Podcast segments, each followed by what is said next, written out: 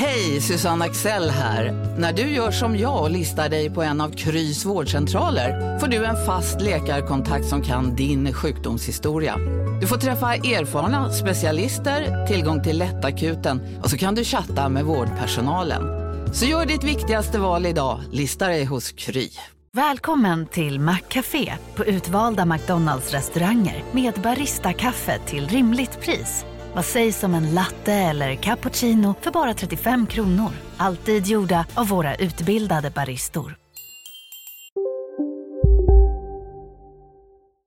Från Monopol Media, det här är Kapitalet med mig, Elinor Ahlborn. Och med mig, Gunnar Harjus. Och vi ska börja med att kasta oss in i en skandal.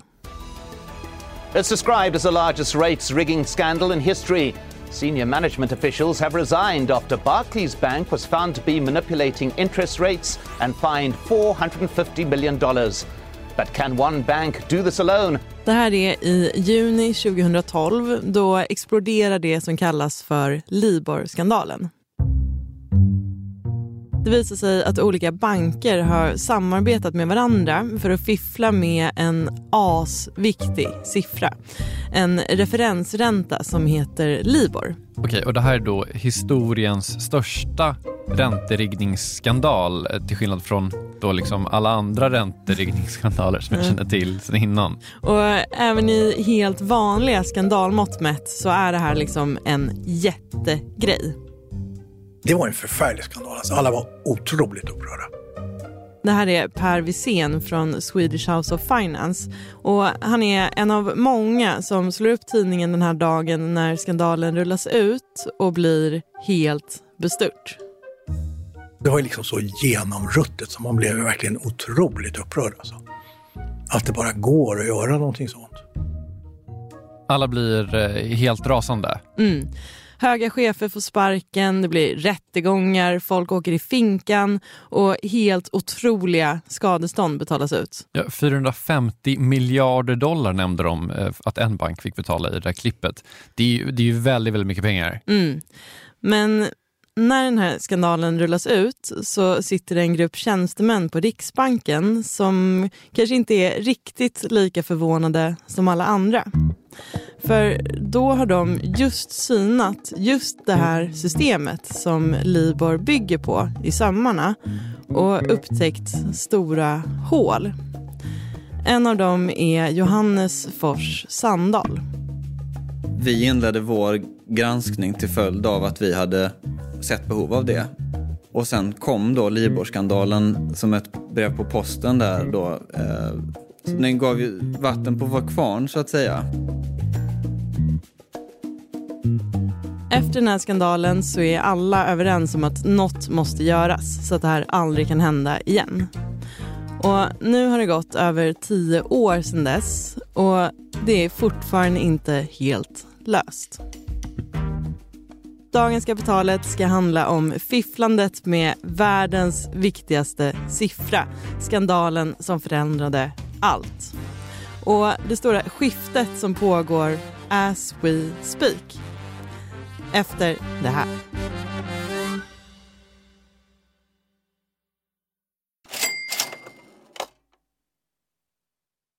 Kapitalet sponsras av SPP och Storebrand Asset Management. Eh, Storebrand och SPP hör ju ihop sedan många år och utan att gå in på några detaljer här och nu så kan vi i alla fall säga att eh, Storbrand förvaltar över 1200 miljarder kronor bland annat åt just SPP. Och du har ju träffat Storbrand, Jakob, och pratat om eh, Kina Ja, eh, vi, vi pratar i alla fall om hur Kina blivit en sån otroligt viktig del i omställningen av energisystemet. Eh, över 70 procent av värdekedjorna inom vind och solkraft kontrolleras av Kina, vilket mm. är otroligt när man tänker på det. Ja. Och Det handlar om att Kina väldigt tidigt insåg att energi är makt och att man genom sol och vindkraft kan göra sig typ fri från att importera olja och gas och sånt. Then if you think that tomorrow or today's you know power base is going to in a large part be about renewables, then obviously having a stranglehold on those renewables and all the technologies that go into it is going to be part and parcel of that power play. Eh, det här är då Philip Ripman som ansvarar för Storbrand Global Solutions, eh, en fond som investerar i lösningsbolag över hela världen. Mm. Och hela det här avsnittet om Kina och geopolitiken som nu liksom är invävd i den globala omställningen, eh, den släpper vi som en bonus här i kapitalet nu i veckan. Ja, och mer information om storbrand kommer vi få i kommande avsnitt och eh, man hittar också förstås mer om man vill ha det här och nu på storebrand.se. Vi säger stort tack till SPP och Storbrand. Tack!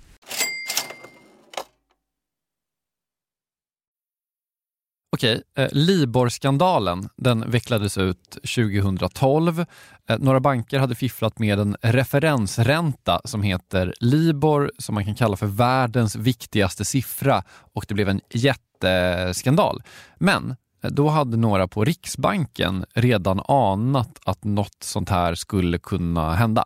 Precis, de hade just undersökt det här systemet och sett att det var skört. Fattar. Alla blev helt bestörta efter den här skandalen men nu har det gått över tio år och allt är fortfarande liksom inte helt löst kring hur man ska göra med den här jätte, jätteviktiga siffran. Precis, globalt har det varit lite vilda västern sen dess kan man säga. Men jag tror att vi måste ta det här lite från början ändå, för att jag, jag till exempel hänger inte alls med på vad som pågår. Mm. Först och främst då, Libor. Vad är det för någonting och hur kan det vara världens viktigaste siffra? Mm. Ja, men mm, så här. Libor är alltså en referensränta, alltså en ränta som man kan hänga upp andra räntor på. Man kan referera till den? Mm. Och jättemycket handel världen över har refererat till just Libor. Det är en förkortning för London Interbank Offered Rate och är liksom ett snitt för vilka räntor man använder banker emellan. Vad det handlar om är banker lånar jättemycket pengar av varandra. De lånar ut och in pengar hela tiden med varandra. Här har vi Per Wisén. Han är professor i finansiell ekonomi, också lite av en bankveteran och nu jobbar han på forskningscentret Swedish House of Finance. Får de lite för mycket pengar så lånar de ut till en annan bank. Har de lite för lite pengar så lånar de upp det för en bank. Och det görs alltså väldigt många sådana transaktioner, alltså korta lån banker emellan. Och då bestämde man sig för jättelänge sedan, jag vet inte exakt hur länge, men alltså mer än hundra år sedan, en konvention att i London så tog man de räntesatser som banker lånade pengar till varandra från varandra vid en viss tidpunkt på dagen. Och det kallade man för Libor. Och det var ganska praktiskt att ha. För om du skulle låna ut pengar till någon så skulle du kunna säga att det kostar Libor plus en halv procentenhet. Eller så.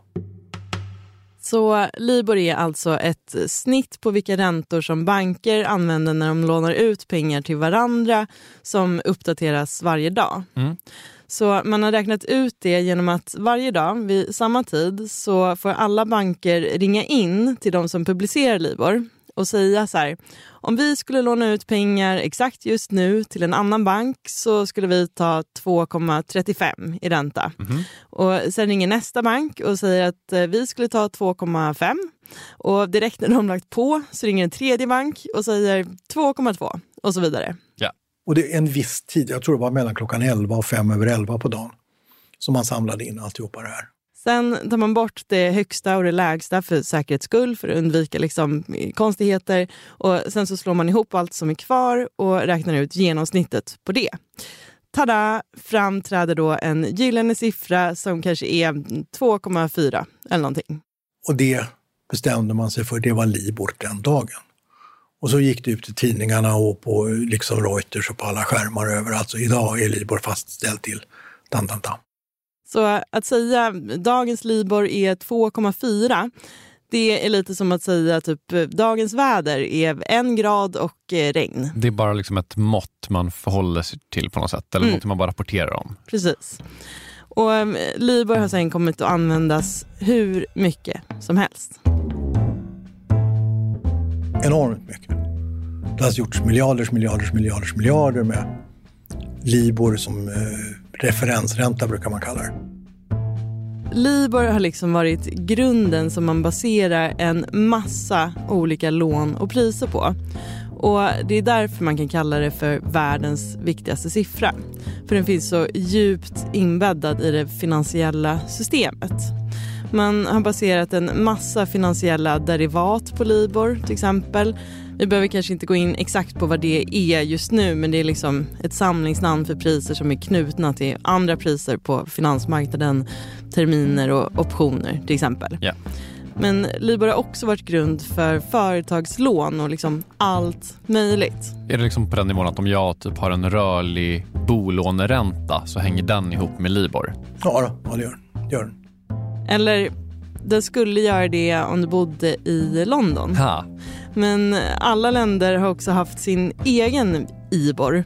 I Sverige har vi Stibor, Stockholm Interbank Offered Rate, Danmark har Sibor. Eh, Copenhagen Interbank Offered Rate. Euroländerna har Euribor och så vidare. Men just Libor sticker ut för att den har alltid använts av både England och hela USA. Ah, USA-delen tycker jag förklarar lite det här med att miljarders, miljarders, miljarders affärer hänger på den här räntan, att det inte bara är England. Liksom. Mm, och Det är alltså därför man har kunnat kalla Libor för världens viktigaste siffra. Just det. Fram då till den här skandalen 2012, eller? Alltså, det var ju någonting som hände då. Ja. När den här Libor-skandalen kommer ut så har man alltså använt Libor hur länge som helst. Alla utgick från att det var liksom välskött och det hade varit välskött i över hundra år eller någonting. Och sen hände då det här. Att några satt i maskopi, liksom. de kom överens med varandra om att nu fixar vi till det här så tjänar vi pengar på det. Och det gjorde de, och åkte dit. Okej, och hur gick själva fifflet till här? Mm. Alltså, du minns hur man räknade ut Libor? Olika banker ringer till någon klockan 11 och säger vilken ränta de är beredda att låna ut pengar till andra banker för exakt just då. Ja.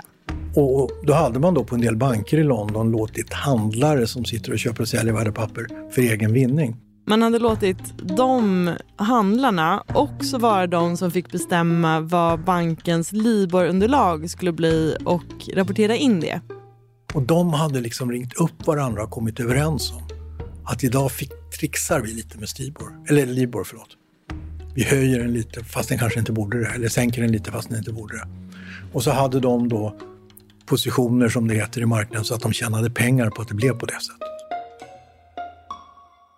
Så alltså innan de ringde in till Libor-administratörerna, vilket var liksom den brittiska bankföreningen då tror jag, då hade de först ringt eller chattat med sina motparter på andra banker och kommit överens om vad man skulle säga. För att då liksom manipulera Libor, det här snittet, till sin egen fördel? Men alltså de såg till att när räntan då kanske lite överraskande gick upp för att de hade fifflat med den så tjänade antingen deras bank pengar och de fick då en högre bonus eller så hade de en egen privat portfölj någonstans som de inte hade berättat om som tjänade en massa pengar på att det gick på det här sättet. Jag gissar också att det är så att om man typ höjer eller sänker Libor med 0,1 procentenheter så får det så jätte, jättestor påverkan då, antar jag. Mm, precis. Det är väldigt, väldigt skurkaktigt eh, får man ändå säga. Så genomruttet som man blev verkligen otroligt upprörd. Alltså. Att det bara går att göra någonting sånt. Och det blev sen rättegångar och stämningar och, det var, och de åkte i fängelse och det var liksom en, en enorm skandal och en enorm apparat runt allt detta. De som åker fast för det här är bland annat från Deutsche Bank, eh, Citigroup, eh, The Royal Bank of Scotland och eh, Barclays Bank då, som vi hörde i klippet. Just det. Men jag undrar då, vad fick den här manipulationen för konsekvenser för typ så mannen på gatan eller dig och mig? Alltså, om Libor nu var en siffra som var så djupt inbäddad i det finansiella blodomloppet, liksom påverkade allt, även folks bolån och tänker jag kanske så här studielån och sånt där. Det måste ju ha verkligen blivit helt uppfackat med det här fifflet då. Mm. Alltså, efter den här skandalen så var det ju massa stämningar och eh, rättegångar och otroliga skadestånd hit och dit. Och några juristfirmor försökte, kan man påstå att det här har skadat hela ekonomin? Liksom? Att man gjorde det här. Och De gjorde verkligen ett tappert försök att räkna ut om det här liksom hade skadat hela ekonomin och i så fall hur. Men det var så himla himla komplext. Alltså, vissa transaktioner tjänar man på att räntan gick upp och andra ner. Och de fick ge upp. Alltså, det gick bara inte att svara på frågan. För en del tjänade lite på det och en del förlorade lite på det. Men påstå att hela systemet liksom på något systematiskt sätt tjänade eller förlorade på det. Det gick bara inte att leda i bevis, åtminstone en domstol kunde ta det i alla fall. Okej, men eh, alltså man måste väl ändå ha kunnat räkna ut om mitt, framförallt mitt, eller Mm. kanske någon annan, jag någon amerikans bolån hade påverkats av det här, eller? Ja, alltså kanske. Alltså de här få tiondelars procentenheterna upp och ner kunde man ju liksom inte riktigt säga exakt hur det hade påverkat folk. Studielån så tydligt och sådär. Det var liksom inte riktigt det man var rasande på i första hand. Alltså det upprörande var ju bara att de fifflade med det för sin egen vinnings skull. Det var väldigt svårt att räkna ut hur mycket det skadade alla andra. Men det skadade ju förtroendet för det här arrangemanget.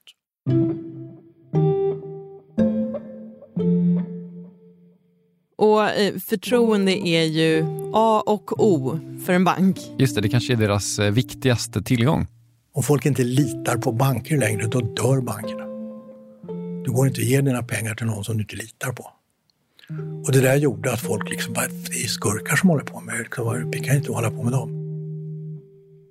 Man ska heller inte glömma vilket år som det här hände. 2012. Mm. Alltså precis efter finanskrisen 2008 eller 2009. Alltså i en tid när förtroendet för hela bankväsendet redan var väldigt stukat. Därför var det så enormt viktigt att rensa upp och verkligen gå till botten med det här och se till att få bort att det aldrig mer kan hända något sånt igen. För vem vill hålla på och skriva kontrakt i Libor om du sitter och skojar och fifflar med det?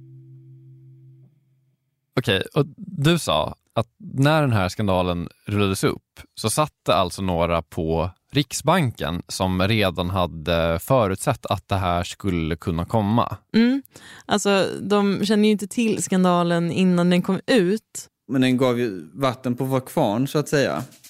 Eftersom den bekräftade att referensräntor av det här slaget var sårbara.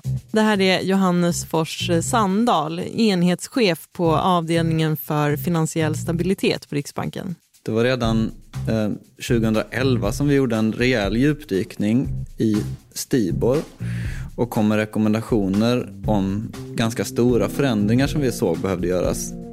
Nu jobbar Johannes och hans gäng på Riksbanken med att fasa in en eh, ny och mycket bättre referensränta. I andra länder världen över så sitter folk på andra centralbanker och myndigheter och håller på med typ samma sak. Men det har tagit tio år och det finns stora hinder på vägen. Hur man ersätter världens viktigaste siffra efter det här.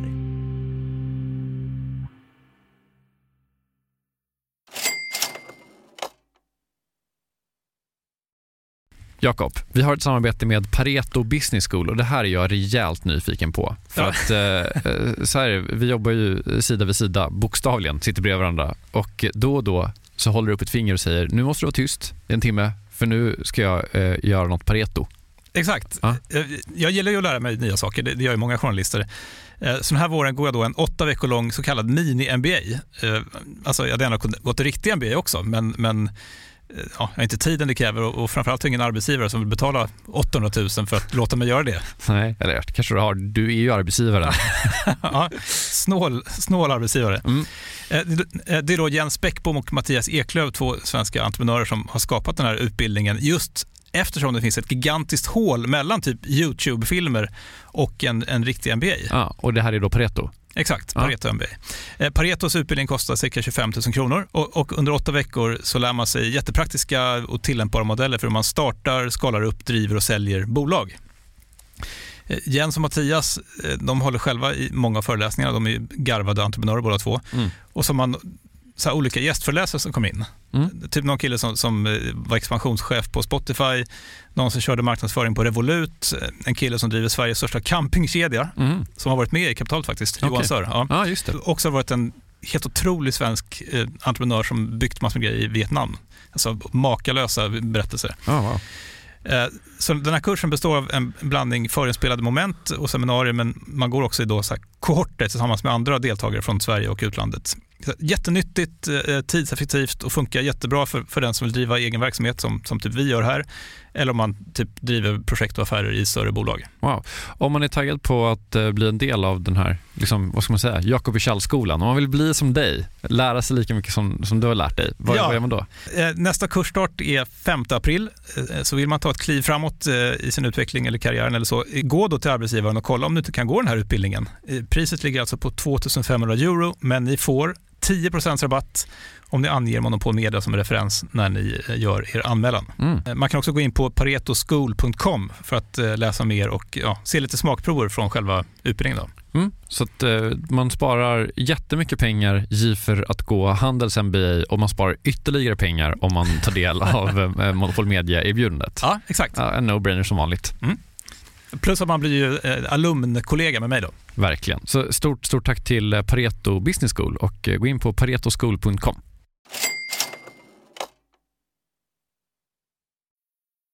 Okej, Libor är en referensränta som ligger till grund för affärer till ett värde av, vad var det Per Wisén sa? Miljarders, miljarders, miljarders, miljarder. Ja. Oerhört mycket pengar. Mm. Framförallt har man använt Libor när man har handlat med eller i eh, USA och England. Andra länder har sina egna IBOR-räntor. Vår heter Stibor. För tio år sedan så var det en jätteskandal när det kom ut att man hade fifflat med Libor. Folk slängdes i finkan och förtroendet för hela banksystemet stukades. Och till min stora förvåning så var Riksbanken då inte så förvånade. Nej, precis. För att då hade de just eh, gjort en stor djupdykning i Stibor och eh, kommit ut inte helt nöjda. Vi tyckte att Stibor var sårbar på det sättet att den till stor del var beroende av bedömningar som bankerna gjorde själva. Här är Johannes Fors eh, Sandahl på Riksbanken. Och därför gjorde vi en fördjupad granskning. Sen har vi aldrig sett tecken på manipulation av Stibor. Men vi såg anledning till att göra granskningen så att säga. Okej, och vad var det då de hade reagerat på? Jo, de hade sett problem i det här systemet med att bankerna själva fick liksom ringa upp och säga vilken ränta de hade kunnat tänka sig att erbjuda till en annan bank. Mm. Alltså den här akronymen IBOR står ju för Interbank Offered Rate. Så att när alla banker ringde och sa så här, just nu skulle vi kunna erbjuda en annan bank och låna av oss för eh, 2,4. Då går det ju att ljuga. Jättebra uppenbarligen. Mm. Så det Riksbanken ville ha istället, tillsammans med många andra centralbanker och tillsynsmyndigheter världen över, det är en referensränta som baseras på faktiska transaktioner. Vi tycker att fullt ut transaktionsbaserade är de mest robusta referensräntorna man kan ha. Och en sån referensränta finns. Den heter Svester och det finns en EU-variant som heter Ester och en amerikansk motsvarighet som heter Sofr, eller Sofer som man säger. Och alla de här föddes några år efter Libor-skandalen. Men det är klart, på handläggarnivå 2012 så hade vi ju idéer om att det vore bra med en sån overnight-ränta som Svestersen blev. Men det var ändå lite före sin tid om man säger så. Overnight betyder alltså korta räntor, vilket är liksom i huvudsak det vi pratar om här. Okej, men så Johannes och hans gäng på Riksbanken var liksom tidigt ute då? Ja, alltså de hade idén tidigt. Men sen fick man liksom vänta in resten av världen innan man lanserade Svester. Och grejen är att nu har det gått över tio år sedan Libor-skandalen. De här transaktionsbaserade räntorna finns, men många av dem används inte. Nej. Eller Libor är typ död sedan den här skandalen och i princip ersatt med Sofer, alltså deras helt transaktionsbaserade ränta. Men till exempel euroländerna och Sverige håller fortfarande fast vid sina IBOR-räntor. Varför det? Framför allt på grund av allmän tröghet. I alla fall enligt Peter Danielsson som jobbar som Senior Managing Director på Nasdaq. Och eh, Nasdaq dealar alltså med referensräntor typ hela tiden. Varför ändra någonting som fungerar? Det är mer vanans makt som ligger i det här. If it ain't broke, why fix it? Okej, så att slapphet är den främsta anledningen här. Men får jag också bara säga, Stibor är väl lite broke, enligt Riksbanken i alla fall? Ja, eller nja, alltså man har undersökt Stibor jättenoga och eh, inte hittat något fuffens med den. Och det har också kommit till massa nya regler efter Libor-skandalen som gör att eh, Stibor idag baseras på liksom en mix av faktiska transaktioner och uppskattningar eller erbjudanden. Då. Så att liksom Libor-skandalen har lett till att vi har fått ett bättre Stibor. Mm. Men sen så är det också bara så ofattbart mycket meck. Alltså både praktiskt och juridiskt med att byta ut Stibor och Euribor till Svester och Ester. Mm -hmm. Alltså, dels så har man ju massa askomplicerade kontrakt som kanske löper över 10 eller 20 år som är baserade på de gamla IBOR-räntorna. En sån juridisk mardröm att göra om dem. Eller liksom, det, man får inte, alltså det går helt enkelt inte i många fall. Och sedan kommer det krävas en del eh, alltså anpassningar av datasystem och i bankernas interna system och sånt. Och de är, jag tror inte de är jättemoderna. Så man har liksom fysiskt så för gamla datorer? Mm. Alltså, tänk IT-support, mardrömmen också i euroländerna. Alltså att alla har liksom helt olika bankdatasystem och så ska man liksom gå till alla de slovenska, grekiska, finska, italienska bankerna och säga så här, nu måste ni byta ut den här grundbulten i era system trots att den här grundbulten egentligen fortfarande funkar. Det är så, alltså varje gång man går in på en bank och får liksom en liten glimt av deras datorer så får man en sån chock för att de kör typ så Windows 98. Och det är väl av den här typen av anledningar, alltså det liksom bygger på sådana gamla datasystem och sånt där. Mm. Och alltså, så länge EU fortfarande använder Euribor så lär ju Sverige ha kvar Stibor för att det här liksom hänger ihop. Men, men trots det så vill Riksbanken att vi ska gå över till Svester? Ja, det vill de verkligen. Och de gör ju vad de kan. För alltså, Riksbanken har ju uppgift att hålla det finansiella systemet stabilt. Så därför tycker de att den robusta Svester, som de alltså själva också ligger bakom, är mycket bättre än den ändå fortfarande mer sårbara Stibor. Så eh, Riksbanken har just avslutat en officiell Svester-testperiod där de landade i att Svester är toppen. De tycker att deras egen uppfinning är kanon. Det tycker de. Men grejen är att Riksbanken inte kan bestämma här. Utan det är bankerna själva som bestämmer vilken referensränta de vill ha när de ska skriva sina kontrakt. Mm. Och sen är Finansinspektionen tillsynsmyndigheten i de här sammanhangen. Och de tycker än så länge att Stibor är helt okej, okay, även om de också tycker att Svester är lite bättre. Så det som Riksbanken kan göra här är max att liksom rekommendera starkt. Mm, precis, de kan liksom bara säga så här, hallå, kan ni snälla använda Svester? Kolla här vilken bra referensränta vi har. Och bankerna då kollar och bara så här, ja fast vi har den här äh, gamla räntan som inte är så broke så vi kommer inte fixa det. Mm. Men så nu gör Riksbanken verkligen allt de kan. De publicerar olika texter på sin hemsida. De har också startat ett eh, forum.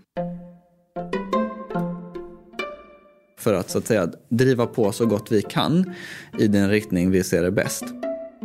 Så då får alltså alla inblandade i det här, alltså banker och olika finansiella institut, komma och hälsa på hos Riksbanken och sen sätter de sig ner och pratar om Svester. Ja, vi ses fysiskt här eh, ibland och ibland så ses vi digitalt. Vad mysigt. Mm. Men enligt Peter Danielsson på Nasdaq så skulle det nog krävas mycket hårdare tag om man på riktigt skulle tvinga alla att gå från Stibor till Svester. Och för det krävs befogenheter som Riksbanken helt enkelt inte har. Alltså det är ju Finansinspektionen som skulle kunna säga att så här, nu får det vara nog med Stibor och liksom ta bort sin OK-stämpel från den och då skulle den bli liksom förbjuden och försvinna. Det kommer förmodligen inte ta riktig fart i Svester förrän den dagen man säger att man kommer att avskaffa Stibor. Men det är ju först där när man säger att det inte kommer att finnas längre, då måste branschen anpassa sig och då kommer den stora rörelsen. Men för att det ska hända så krävs nog att EU går först då och liksom hänger på USA och resten av världen. Efter sommaren så kommer vi inte att ha dollar LIBOR längre. Så där, där går det väldigt snabbt. Då är det bara Europaområdet och Norden som ligger kvar de här. Och enligt Per Wisén på Swedish House of Finance så hänger hela det här skiftet från Stibor till Svester ihop med ett större skifte i hela bankbranschen. En övergång från ehm, skurkaktighet till högre moral kan man säga som sattes igång av finanskrisen. Det var nog så att det var här och var var det ganska dålig moral i branschen under den här perioden. Och den här skandalen var nog en produkt av den där giriga och, och tyvärr väldigt omoraliska stämningen och miljön som hade uppstått. Så enligt honom så kan man alltså se övergången från Stibor till Svester som typ ett eko av en större moralisk upprensning som man gjorde efter finanskrisen där man också såg över saker som typ eh, bankbonusar till exempel.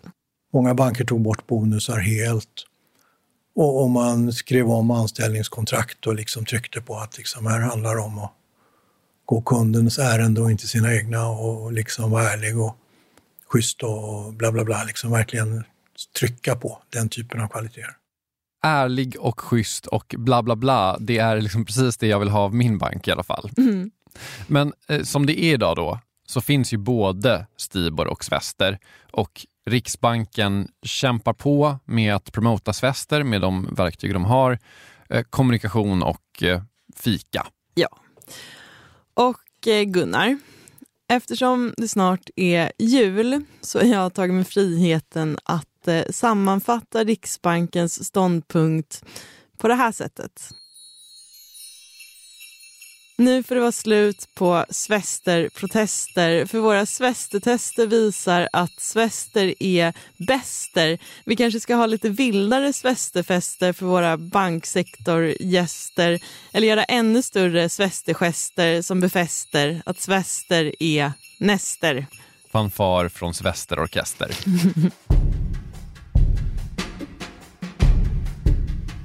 Kapitalet är slut för idag. Vi som gjort det här avsnittet heter Elinor Alborn och Gunnar Harrius. Vår ansvariga utgivare heter Jakob Bursell och avsnittet är mixat av Kristoffer Krook. Vi är tillbaka nästa vecka. Hej då! Hej då!